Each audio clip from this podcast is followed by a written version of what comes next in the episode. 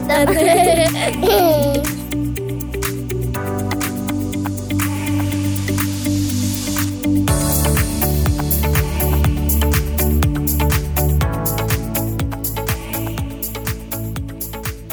Varmt välkommen Daniel Noré. Tack. Tack. Välkommen själv.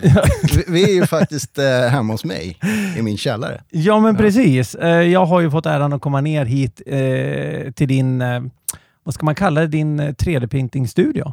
Ja, det kan man väl Eller? kalla det. Jag Ja. tror att vi eh, internationellt kallar vi det för eh, Print Cave. Istället för Man Cave. ja. Och, eh, ja, efter, nu är det här ljud, det är ingen Ja, film, så nej. jag tänkte att eh, för de som inte kan se här så står vi ju då i ett gammalt pannrum. Mm. Som jag har, vi har pannan kvar, men eh, istället för oljetankar så har vi liksom inrett här med hyllor och eh, en, två, tre, fyra, sju, åtta 3D-skrivare. Och diverse utskrifter och, och plast och så vidare som man ska använda för att använda de här 3D-skrivarna. Om man är väldigt nyfiken och se hur det ser ut så går det alltid att hitta dig på Youtube om man söker Daniel Noré. För det finns ju Absolut. lite filmer härifrån. Absolut. Ja. Och egentligen så kan du bara söka på det om du vill, ja, Ja. Instagram eller Twitter eller Facebook eller finns det massvis med bilder. Eller så hör man bara av sig. Ja. Får man komma hit och dricka kaffe? live kanske. Ja, absolut. Det, det är inte omöjligt. Kul att du vill vara med i Järvsöpodden. Kul. Jag tycker det är jättekul. Det är Ja. kul att få vara med. Det är Ja. första gången jag får vara med i en svensk podd faktiskt. Är det? Ja. Vad roligt. ja. Och vi har ju valt att ta med dig eftersom att du är nyinflyttad i Järvsö och du har startat någonting som heter Järvsö TV. Och sen har du ju stor närvaro på internet. Så, eh, så vi kan väl börja med att fråga lite grann. Vem är Daniel Noré? Vem är Daniel Noré? Det är en, eh, det är en bra fråga. Mm. Och det är ungefär som när folk frågar mig, vad jobbar du med? Och då brukar jag tänka så här, ja, vad jobbar jag med? Jag vet knappt själv. Det ska vara så skönt att bara ha någon annan som talar om det.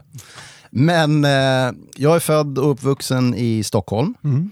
Eh, gick i skolan på det glada 80-talet med liksom Kiss och, och hårdrock och sen början på 90 där, grunge och Nirvana. Och så jag lyssnade otroligt mycket på musik. Mm. Eh, och E.T. och BMX och, och mycket såna här grejer. Det var ju det var magiskt. Och sen, eh, jag har bott i Stockholm hela mitt liv egentligen. Mm. Och eh, bildat familj och sådär. Och jag skulle ju aldrig flytta från Stockholm. Det fanns ju inte Nej. en chans. Liksom. Men eh, min fru då, Ulrika, hon har väl varit lite mer öppensinnig vad gäller att, att röra på sig lite grann. Så att hon har väl eh, lämnat fram lite förslag sådär, Mm. försiktigt. Och jag Ja. har ju bara tvär, nej, nej, nej, nej, här ska inte flyttas. Men eh, sen är man inne i det här ekorrhjulet. Mm. Eh, man åker till jobbet och, och hem och lagar mat och tar hand om barnen och natta och hej och hå. Så att en dag kom jag hem och kände bara att nej, det här är inte meningen med livet. Nej. Så, och vi är båda snö och vinterälskare. Och det var lite, när vi träffades så var det också lite att det klickade. För det var Mm. så här, åh jag älskar snö. Du med! Wow! Bara, vi åker pulka imorgon! Det är en märklig första dejt tror jag kanske, men jag tror inte det blev någon pulka faktiskt. Men eh, tanken som räknas. Mm. Eh, men i alla fall, så då kom jag hem och så sa jag så här, du, eh, ska vi flytta norrut? Mm. För det var egentligen aldrig någon tanke att flytta söderut, utan vi, vi skulle närmare vintern. Mm. Eh, för att eh, vintrarna i Stockholm kan ju vara fantastiska och magiska, Mm. men var tionde år. Eh, och däremellan så är det mest slask och grått och sådär, om man ska vara riktigt ärlig. Så att vi började titta på vart vi skulle kunna flytta då, norrut. Eh, och då så tittar man på olika ställen och så är det, kommer man för långt norrut, så det är ju super, det är ju magiskt. Jag älskar Norrland och, och vi har vandrat Kungsleden och sådär, men eh, man vill ju fortfarande ha den här varma, sköna sommaren, man vill kunna bada och så tydliga, eh, Årstider. tydliga årstider med det. Mm. Så att vi började titta och sen så hade vi några vänner som hade gjort den här resan och flyttat till Järvsö. Vi hade ingen koppling dit innan, liksom. Nej. eller hit. Nej, eh, så att, eh, då sa vi att nej, men alltså, vi kanske ska flytta till Järvsö. Dels så har du alla de här årstiderna som vi vill ha. Du har en riktig vinter, oftast. Nu har det kanske inte varit så bra vinter, men oftast har vi det. Eh, och så är det ju framförallt så är det ju det, ja, förhållandevis lätt att ta sig hit med Mm. bra väg, eller om man vill åka tåg för den delen. Så att det är fortfarande, det känns inte så långt till familjen som bor i Stockholm då, eller Ulrikas familj som bor i Nyköping, Mm. Oxelösund. Mm. Eh, så att vi åkte hit ett par gånger, bodde här, åkte lite skidor, provade cykla på sommaren, vandra lite och sådär. Och eh, efter att ha spenderat lite tid här och framförallt träffa alla människor här, Mm. så kände vi liksom att det här är ju...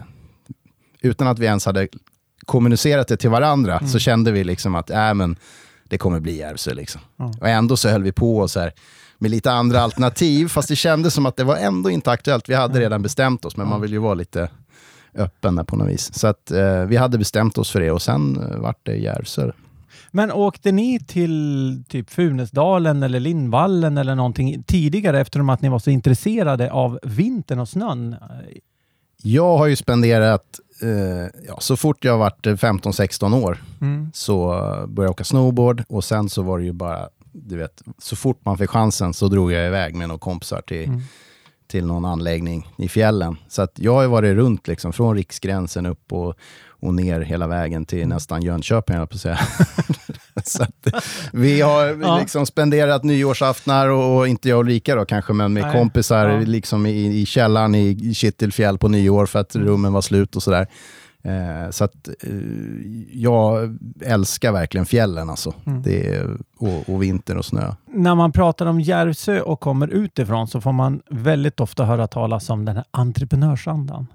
Alltså känner du av det, att det händer grejer? Det här sitter liksom inte fast i något. Jag tror att eh, den är superstark och Ja. eh, det är en av anledningarna till att det ser ut som det gör här i Ja. källaren faktiskt. För att eh, alltså, man flyttar och man har barn, man har familj. Det är en ganska stor omställning. Det är nya skolor och Mm. sådär. Eh, och jobb är ju såklart superviktigt. Mm. Alltså, man måste ju kunna betala hyran liksom. Eh, och räkningar. Så att när vi hade tur och att jag hade ett jobb där jag hade möjlighet att ha kvar min anställning och flytta hit. Så att jag hade med mig jobbet upp hit och det var ju, jag ska inte säga en, förutsättning, men det var en väldigt viktig pusselbit i Mm. hela det här flyttpusslet. Då. Eh, och de stöttade mig och det var helt fantastiskt. Liksom. Men sen är det ju så här, du spenderar ett tag här i byn och alla är, som du säger, väldigt drivna och entreprenörsandan, den är Ja. väldigt påtaglig. Ja. Eh, och all, alla är väldigt, alltså det är som att man gör allting tillsammans på något vis. Det känns oerhört tryggt. Så att eh, jag bestämde mig för att jag har haft en firma vid sidan av ganska Mm. länge. Eh, så att jag tänkte att undrar om man ska liksom försöka göra någonting av det här kanske. Mm. Och alla är ju väldigt, man blir väldigt eh, inspirerad. Eh, plus att alla säger, man pratar med folk, vem som helst. Mm. Ja men om det inte funkar, ja men vet du vad? Det ordnar sig. Ja. Det är inte ett Ja, problem, det, det- löser det, sig. ja. Och man bara, ja det, det stämmer ju liksom. Eh, så att jag sa upp mig och så satsade på eget liksom. Och det har jag inte ångrat en sekund Nej. liksom. Nej. Så att, Ja, det, ser, det, det ser man här nere. ja. så att här absolut. är det full Eh, ruljans. Eh, ja, det, det är också en sån här fantastisk grej Ja. eh, som, som man verkligen märker ganska fort när man spenderar lite tid i Järvsö. Att människorna är väldigt, väldigt framåt överhuvudtaget. Det är Mm. inte så mycket, om det dyker upp ett problem så ältar man inte det så mycket utan man får börja direkt fundera på hur ska vi lösa det här? Hur ska Mm. vi ta oss framåt? Mm. Ska vi prova något nytt? Mm. Det behöver inte alltid vara som det alltid har varit. Eh, så det är en trygghet och ändå, ja, jag tycker Apropå lösningar och problem och grejer. När man då kommer utifrån, hur är det med boendesituationen? Är det lätt att få, eh, få bostad, köpa hus och grejer? För ni har ju hyrt en stund innan ni köpte huset va? Ja, eh, det är ju så här tror jag. Att, och, och jag menar den bilden hade vi och det har säkert många andra också. Att när man flyttar så är man, ja, låt säga att man flyttar från en större stad. Man köper, säljer någon lägenhet eller radhus eller vad det är. Och så Mm. har man då kanske en dröm, kan vi kalla det, eller förväntningar på Mm. vad man ska eh, ha, alltså vad man vill ha när man flyttar. Och då kanske man, om man vill ha en gård eller om man vill ha något stort hus eller ett litet hus eller ja, Mm. sådär. Och då eh, så tänker man så här, vi ska ha ett eh, ganska stort hus, det ska vara jättestor tomt, kanske lite skog till, tänker man. Och så ska vi, vi ska bygga en cykelbana på tomten och du vet, det ska vara... Ja, Odlingslådor. Ja, man, ja, men precis. Om man föreställer sig hur allt det här ska vara. Man ska sitta på verandan där i någon Ja. gungstol och titta på kidsen när de cyklar runt på cykelbanan där liksom 300 meter bort. Ehm, och sen så är det ju så här att Järvsö är ju inte jättestort. Jag menar, du har hela Ljusdal kommun då i och för sig, men Mm. eh, man vill ju bo, ja, man Mm, har vissa mm, kriterier då. mm. Så att, och då kommer man hit och så upptäcker man att ehm, det var kanske inte så där lätt som vi hade tänkt, för det var ju mer liksom, ah, men nu säljer vi bara radhus och så Mm. kör vi liksom. Mm. Det är bara full fart. eh, och så kommer han upp och bara, ja nu ska vi köpa ett hus. Ja, och då finns det det här och det här och så är det kanske inte att det är perfect match med vad man har sökt.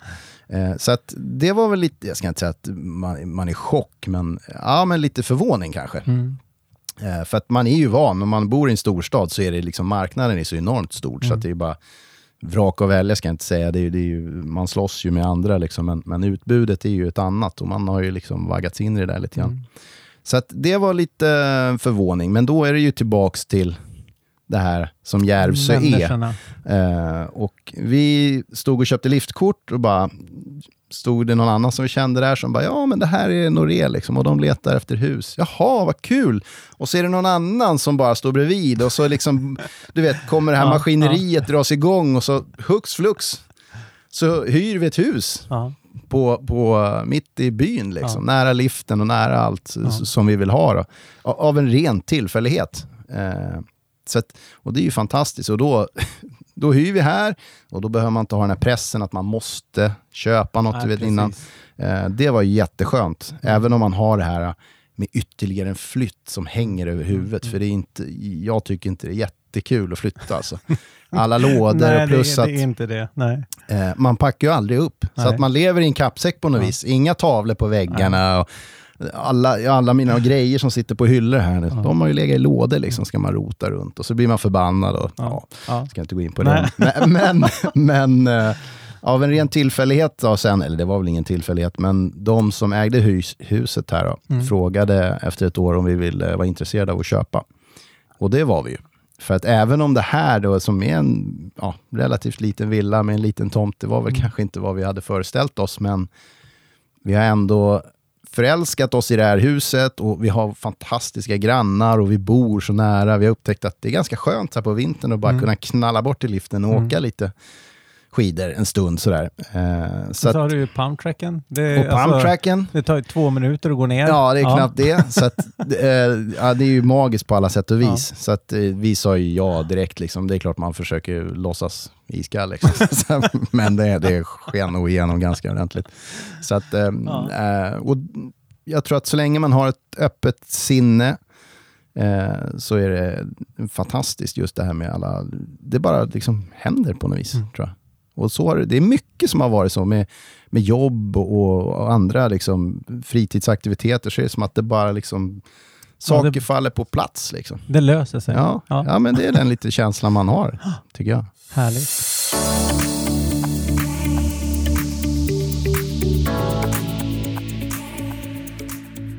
Du är ju en, en person som har en stor närvaro på internet som jag sa i början. Och om man gör en Google-sökning på dig, så på första sidan så får man ju bara träffar som handlar om 3D-printing.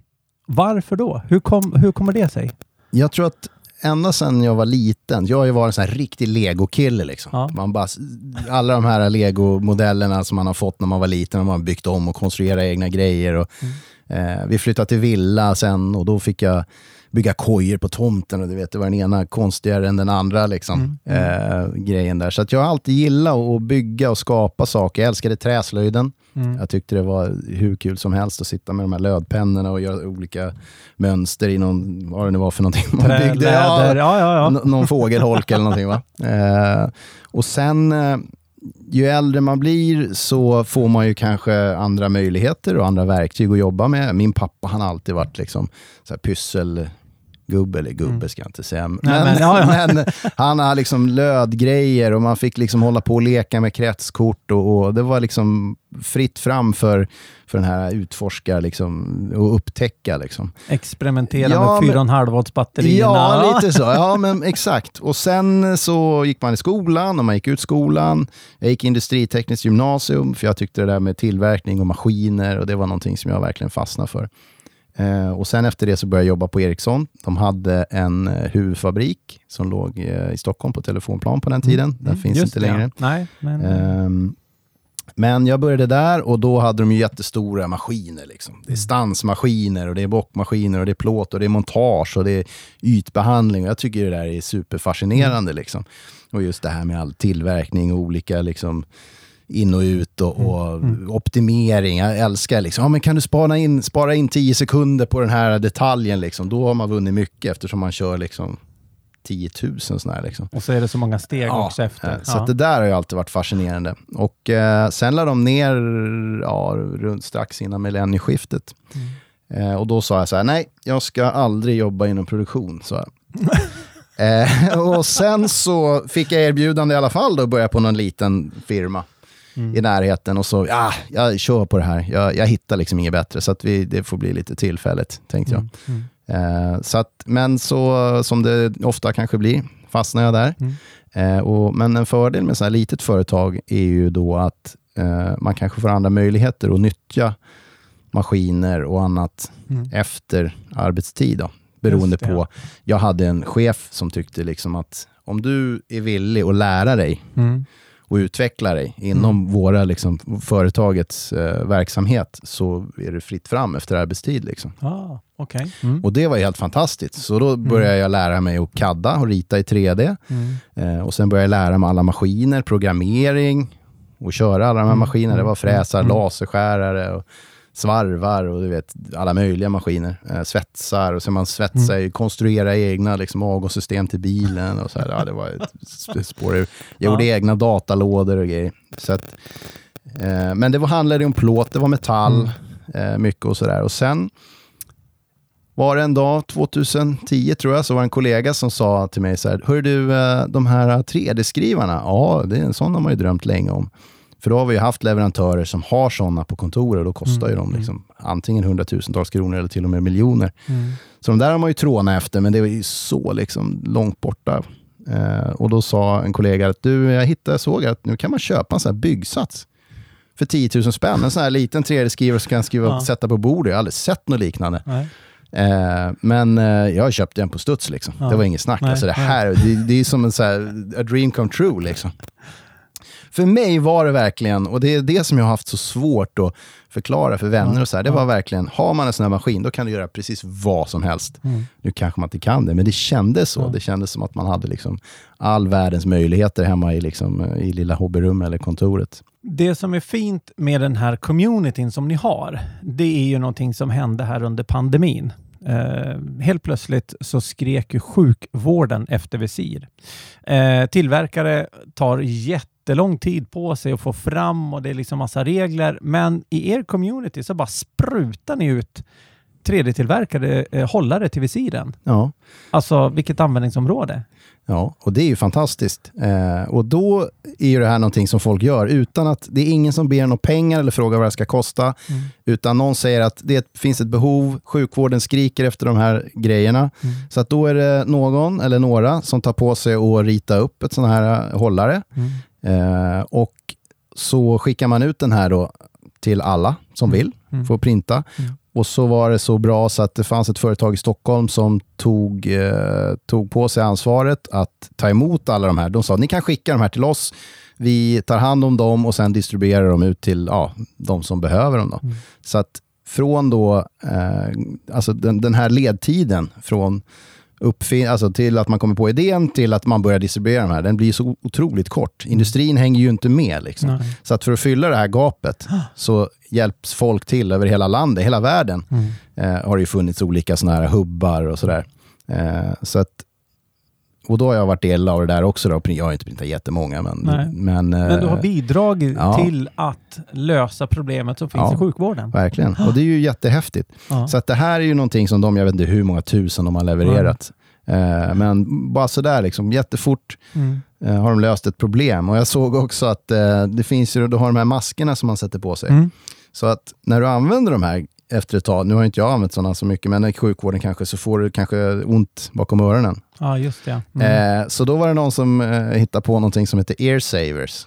Så Okej. att du printar med sådana här gummimaterial och så printar Mm. en liten grej som du sätter bakom huvudet och hakar i den här eh, Masken. Ja, Ja, exakt. ja. Så att du släpper lite tryck från öronen där. Smart. Och det är också så här, va? Och det, det är ju det som är så häftigt med det här, att man demokratiserar hela den här produktionsdelen eller utvecklingsdelen. Det finns ju så må- många otroligt smarta människor Mm. som sitter och filar på någon idé eller någonting, men inte har möjligheten att kanske anlita ett företag och ta fram en prototyp, vilket då historiskt sett kanske har varit ganska kostsamt. Jag tror det kostar fortfarande. Ja, Ja. men nu kan du komma en ganska bra väg i alla fall, Mm. eh, hemma liksom, i källaren, om du har en skrivare som, ja, för ett par tusen lappar. Eh, så det är ju jättehäftigt och man får ju se så mycket häftiga idéer. Det, det, finns ju till, alltså det finns ju hur mycket som helst, det går inte att nämna allt i den här podden. Men, men, och jag, vi ska släppa det här, jag måste bara få... Eh, det finns ju ett projekt, eller flera projekt, där man Mm. gör eh, proteser. Mm. Alltså armproteser till exempel. Och då är det också helt det är på frivillig basis. Liksom. Eh, och då är det någon som ritar upp en protes då, som historiskt sett har varit ganska dyrt Mm. och svårt att få tag på. Och eh, så ser de till att vem som helst kan hjälpa till och så får man i princip en adress. Så att du printar ut de här delarna, bygger ihop en protes som är specialgjord för någon Mm. och skickar den då till ofta kanske tredje världen där man inte har Mm. råd att köpa proteser. Mm. Eh, sånt är ju häftigt. Plus Mm. att det uppfinns ju alltså så mycket hjälpmedel för folk som har alltså, vissa begränsningar. Mm. Eh, så att det är superhäftigt att man helt, folk har bra idéer och så släpper man det här helt fritt till de som behöver det utan Mm. liksom Mm. förbehåll. Ja, det är jättehäftigt. Alltså viljan att hjälpa andra är så stor. 3D-printing, det är din grej, Daniel. Det är min Det är grej. din grej. Det är min grej. Ja. Men du är ju inte bara intresserad av det. Du är ju också väldigt cykelintresserad. ja. Och det tror jag också ligger i linje med varför det blev just Järvsö. Ja. Eh, Järvsö är en cykel, eh, det har blivit som en cykelmecka, eh, lite som en huvudstad vill vissa påstå. När började cykelintresset för dig? Var det BMX kanske? Ja, jag tror nog att det var när, efter E.T. så Mm. satt man ju och trånade efter en, en BMX speciellt. Då. Mm. Eh, och det var ju någonting som man önskade sig så att det gjorde ont i kroppen nästan. Mm. jag vill också flyga mot, förbi månen sådär. Men det vart inte riktigt så. Men, Nej. men det var väl då det började och sen så har jag ja, cyklat till och från skolan och man har cyklat med kompisarna. Sen vart det BMX så har man ju cyklat Mm. kors och tvärs över hela stan för att Mm. liksom, man hittar något häftigt ställe att cykla på. Liksom. Eh, och det var inte så mycket man tänkte på då, men så här, nu när man ser tillbaks på den tiden och hur mycket tid man spenderar på den där lilla cykeln. Alltså. Mm. Alltså vilken, man var ju i toppform alltså, Mm. så det hette duga. Så jag cyklade flera mil på den där lilla 20-tumman. Ja. Idag kan jag inte cykla ner till Ica, man får ont i benen. Liksom. Men, eh, och sen så har jag haft möjligheten att kunna cykla till och från jobbet. Mm. Och det är ju någonting, är det någonting jag saknar från Stockholm kanske? Eh, och det kan ju låta märkligt kanske om man bor i någon sorts eh, cykelhuvudstad. Ja. Eh, att jag saknar cyklingen lite grann till och från jobbet, för den får jag inte här på samma sätt. Eh, att- Inte när du har ditt jobb i källaren. Nej, exakt. För då har man liksom cyklat till in i stan. Då. Jag cyklar ofta. Eh, I ur och skur. Det kunde regna eller det kan ha varit Ja. eh, liksom 10 cm nysnö. Pendlarcyklingen liksom. Ja, och, och visst, man kanske inte jublar varje gång det var störtregn man vaknar på morgonen. Men å andra sidan, de här kvällarna med kvällssol och bara, åh, man cyklar över Västerbron och Mm. ja, är supermysigt. Mm. Men, men just det där att man alltid fick eh, två, tre, fyra mil alltid Mm. i benen Mm. om dagen, det kan jag sakna lite grann.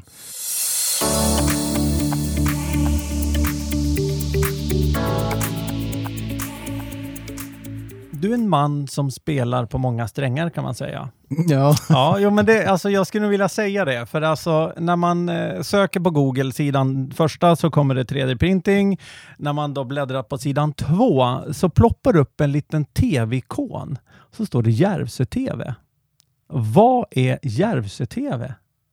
Järvsö-TV, vad är det? Ja, Det är också ett sånt här projekt som har liksom, eh, växt fram från ett intresse egentligen. mm. Eh, och det är ju det här med film som, eh, ja, det börjar egentligen, ja men när man fick tillgång till, det är lite som 3D-skrivarna. Det dök upp videokameror som liksom gemene man har råd med. Eh, och åker man snowboard, Mm. det är klart att man vill Mm. Mm. filma och liksom vara lika häftig som proffsen som är med i alla filmer. Så att eh, jag, när jag var yngre och vi åkte mycket snowboard och BMX och sådär, så köpte jag en liten sån här video 8-kamera och släpade runt med en ryggsäck jämt. Eh, och filma och sen så hem och så hade vi två VHS-bandspelare.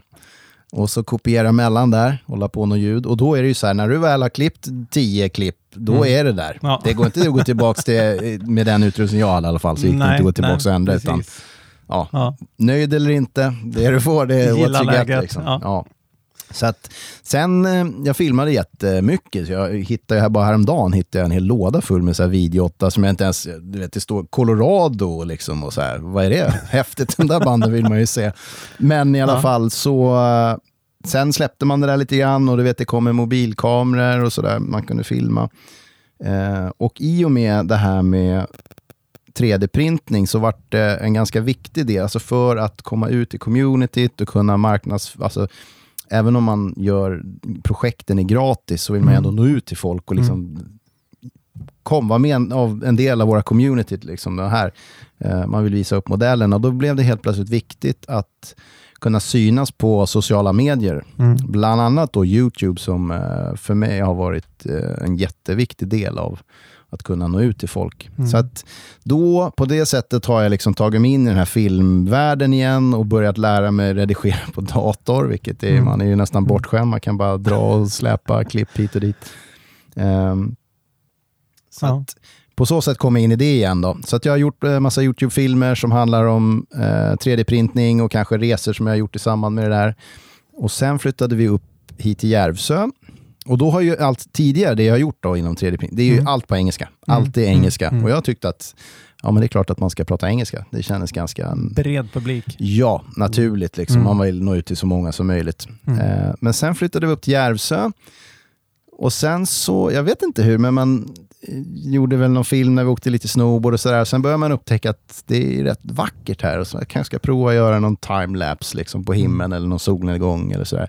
Sen började jag filma liksom mer och mer omgivningarna eh, och sådär. Och sen så upptäckte jag också att eh, om jag alltså skulle beskriva någonting eller prata med någon, det är ganska kul att prata på svenska. så att, och det där bara växte, växte mer och mer och jag tycker det är så sjukt roligt. Och det, det är något annat, även om de flesta i Sverige, alla är ju väldigt bra på att prata Mm, engelska och jag kan väl ta mig runt sådär också och göra mig förstådd. Eh, men det är, man får en helt annan spontanitet när man pratar sitt eget språk. Liksom. Mm. Så att jag började göra massvis med filmer som liksom berättar om, ja, om det är åka skidor eller cykla eller vi är på Stenegård eller Järvso eller bygga en pumptrack, Mm. liksom, filma massa Mm. där. Eh, så att till slut så börjar väl folk säga, hörru du, skulle du kunna lägga upp någonting annat än bara grejer om Järvsö hela tiden? Vi gillar det, det är jättekul, men det, det är lite mycket sådär. Ja. Och då tänkte jag att okej, eh, jag vill inte sluta liksom. Nej. Så jag tänkte jag kanske ska skapa en kanal där jag liksom bara kan mata ut allt det här. Liksom. För man är ju ändå, det är som att vara nykär. Liksom. Mm. Kolla, kolla vad fint det är, det är helt magiskt. Eh, så att då skapade jag den här, eh, en Facebook-sida som heter Järvsö TV och så Mm. gjorde jag en hemsida och en YouTube-kanal. Och så lägger jag bara allting där. Mm. Så kan jag köra lite mer vardagliga grejer på de andra kanalerna. Liksom. Och så de som vill följa Järvsö, de hänger på Järvsö TV, så får, Mm. lägger jag bara matar ut Järvsö-grejer där. Hur är responsen kring Järvsö TV? Eh, responsen har varit överväldigande Mm. väldigt positiv. Alltså. Mm, Så mm. att, det är ju också jätteroligt. Och folk tycker ju att det folk säger som har bott här, som är vad ska man säga, riktiga Järvsöbor som har kanske har bott här hela sitt liv, de, tycker, de säger att de tycker att det är roligt för att man får se sin bygd igen, som man kanske liksom har tappat lite grann. Mm. Man får se det från en ny, alltså, från en nyinflyttads ögon. Hur är Mm. det att komma hit? Mm. Liksom? Shit, det är verkligen magiskt där. Det är vackert. Liksom. Det är det. Eh, och det, det är inte så att man kanske glömmer bort det, men det är ju som, jag tror inte jag skulle göra en film om Stockholm på samma sätt kanske, även om det är magiskt där också. Men Mm. man har sett det liksom Mm. varenda dag i 40 år. Liksom. Så att, Det är bara att slå på nyheterna. Så, så fina ja, bilder. ja. Så här, ja. Så att, all, jag har inte, ja, de flesta, jag har inte hört någon som tyckte det var dåligt. Nej, nej, nej, men men nej. eh, tycker att det är jätteroligt. Och det är ju kul. Mm. Det är ju en sporre liksom. Mm. Du bjuder ju väldigt mycket på dig själv eh, när du spelar in dina videos. Du kastar dig ut i ljusnan när det är fem grader och du sitter och njuter precis som att ja, men det är 40 grader varmt, vi trivs här. Liksom. Du, du har en väldigt skön personlighet och sådär. Alltså, eh, är det speglar av dig som människa? För du är ju väldigt gladsint av dig och nu när du pratar, du, liksom, du, du skiner i ansiktet. Eh, är det liksom ditt naturliga jag när du filmar eller blir du en karaktär där på något sätt? Nej, men det är nog sån jag är. Mm. Eh, och det är ju roligt. Mm. Alltså det, Mm. jag vill, det jag vill göra är ju, det ska vara med hjärta, det ska vara lite kärlek och gärna roligt. Mm. Och det bästa som finns, det är ju om man gör bort sig när man filmar. Så att man bara ja, jag fick det på film! Eh, när det händer något roligt liksom. Eh, Ja. För det, jag tycker det är roligt själv. Mm. Sen Mm. tycker ju folk uppskattar ju att se det liksom också, när det går åt skogen. Liksom. Ja.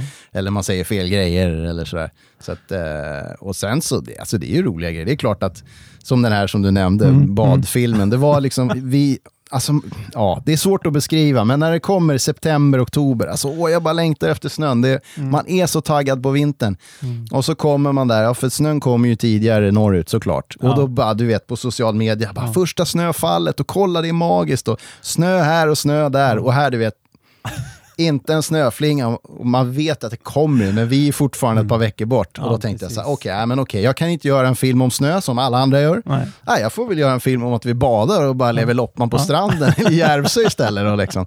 Och då ingick det, då fick jag ju bada, liksom, även om det var 5-10 grader varmt i vattnet. Men det, det var det värt. Järvsö TV är ju någonting som kommer att eh, lyfta Järvsö på, eh, på nätet, internet, på sociala medier och så vidare. Eh, folk kanske vill se mer. Kommer det liksom mer video eller kommer det livesändningar framöver? Hur tänker du? Eh, ja, alltså jag skulle ju vilja... Det är ju roligt att upptäcka nya saker hela Mm. tiden eh, och, liksom ta, och, och ta sig framåt. Och en sån sak som har blivit väldigt aktuellt nu, alltså i och med det här världsläget som vi har, så är det ju mycket livesändningar. Eh, och jag har fått hjälpa till lite på olika ställen här i Järvsö och jag kör eh, med en kompis om 3D-printning. En gång i veckan kör vi en li- livesändning. Så att jag har fått eh, känna på det där lite grann. Och eh, ja, men det är klart att eh, man är sugen på att göra något Mm. Järvsö TV live eh, och det kan vara så att det redan är spikat. Ja. Spännande. Så att eh, håll utkik på eh, sociala medier i slutet Mm. mot eh, juni. någon Mm. Så kan det mycket väl hända så att det dyker upp något. Eller det kommer göra det. Det kommer? Ja, Ja, det kommer. ja, Ja, ja, okej. Kul. Ehm, spännande. Jag ska inte dra ur dig mer. Eh, Men vi kör det som en liten cliffhanger. Ja, precis. Det, det är Ja. något på gång i alla fall och det är livesändningar. Ehm, om vi blickar framåt då. Ehm, hur tror du Järvsö ser ut framåt? Alltså om, om du tittar på de här satsningarna som har gjorts nyligen med cykling och det är mycket annat. Är det någonting som du saknar, liksom, om du bortser från cyklingen? Alltså rent generellt sett i Järvsö? Jag skulle nog säga att det finns ingenting jag saknar, men jag hoppas att vi... För Järvsö kommer växa, så är det ju bara. Liksom. Mm. Eh, och, och det här... Eh, det är klart att Järvsö och Ljusdals kommun och hela Hälsingland egentligen är ju enormt mycket mer än bara cykling. Mm. Alltså, så är det ju. Eh, även om cyklingen har blivit en stor del av, av eh, alltså, vad ska man säga, besöksnäringen. Liksom. Mm. Så att jag hoppas att när Järvsö växer, att vi kan behålla det här genuina som finns här och vara en Mm. del av anledningen till att vi valde Järvsö och kanske inte något annat Mm. mera, vad ska man säga, kommersiellt resmål. Då. Nej, Så jag hoppas att, att eh, det hela tiden kommer vara en del av Järvsö och att människorna som är uppvuxna och, och bor här, kanske sedan generationer tillbaks, har möjlighet att bo kvar. Mm. För det är också en sån sak man kan se att folk har inte råd att bo kvar för att ja, priserna går upp och sådär. Mm. Så att jag hoppas att eh, det inte blir så.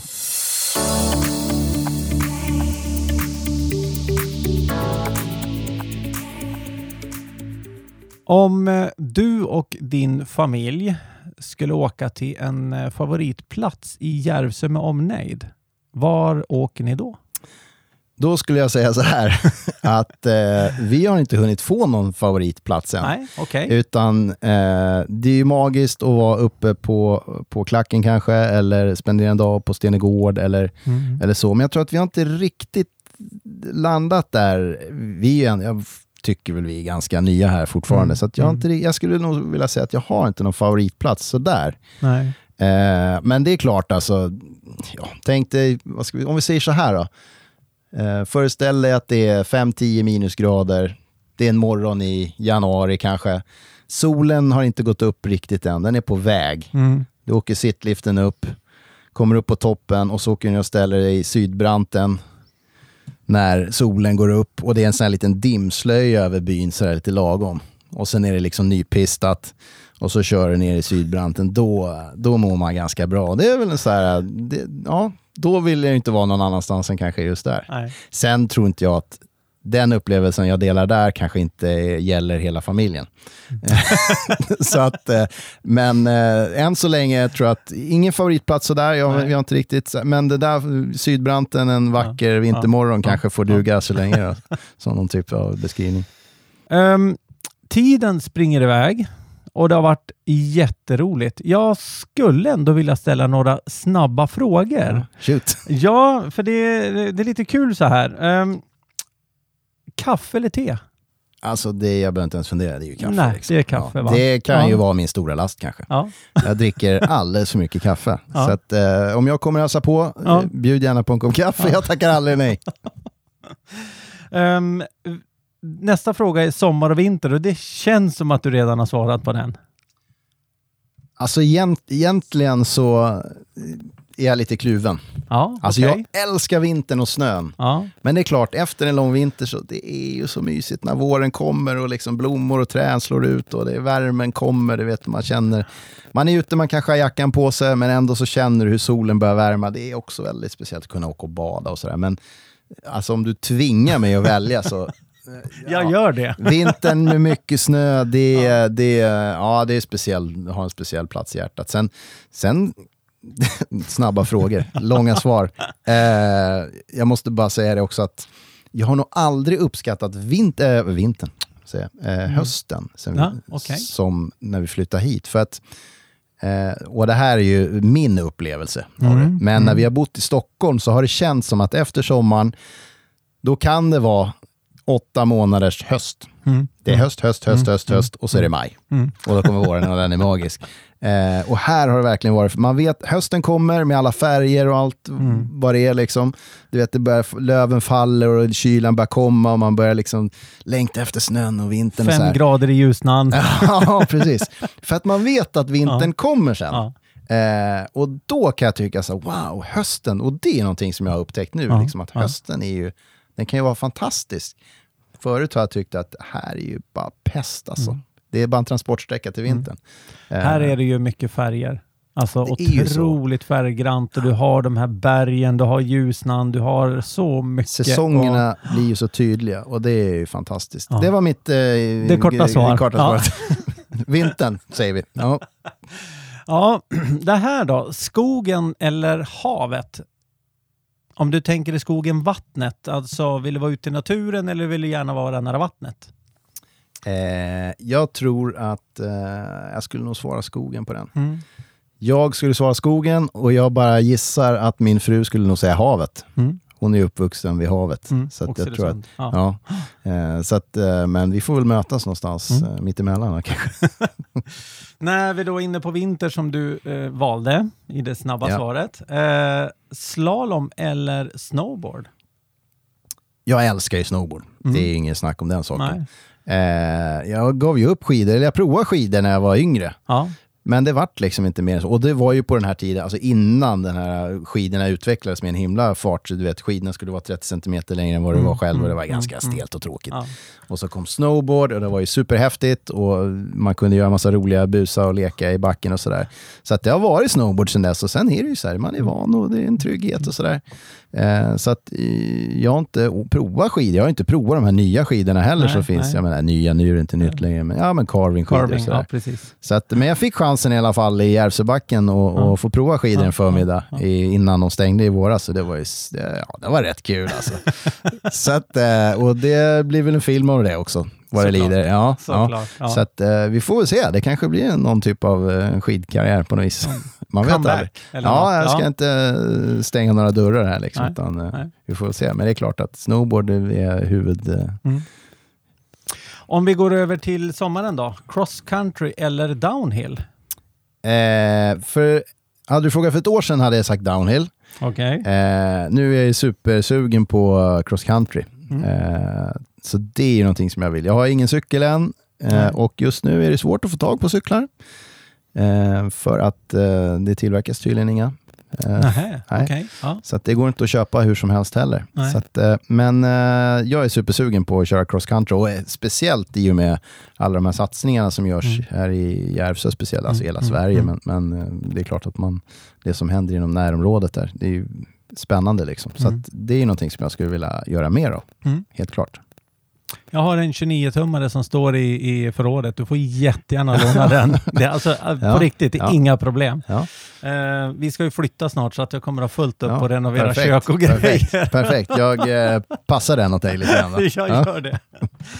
Ehm, det har varit jätteroligt att få höra vem Daniel Noré är. Tack, det har varit jättekul att äntligen få med i Järvsöpodden. Ja, Och, och jag ser fram emot livesändningarna med eh, Järvsö TV. Jag med. Ja, Ja. kul! Ja, jättekul. Tack! Tusen tack.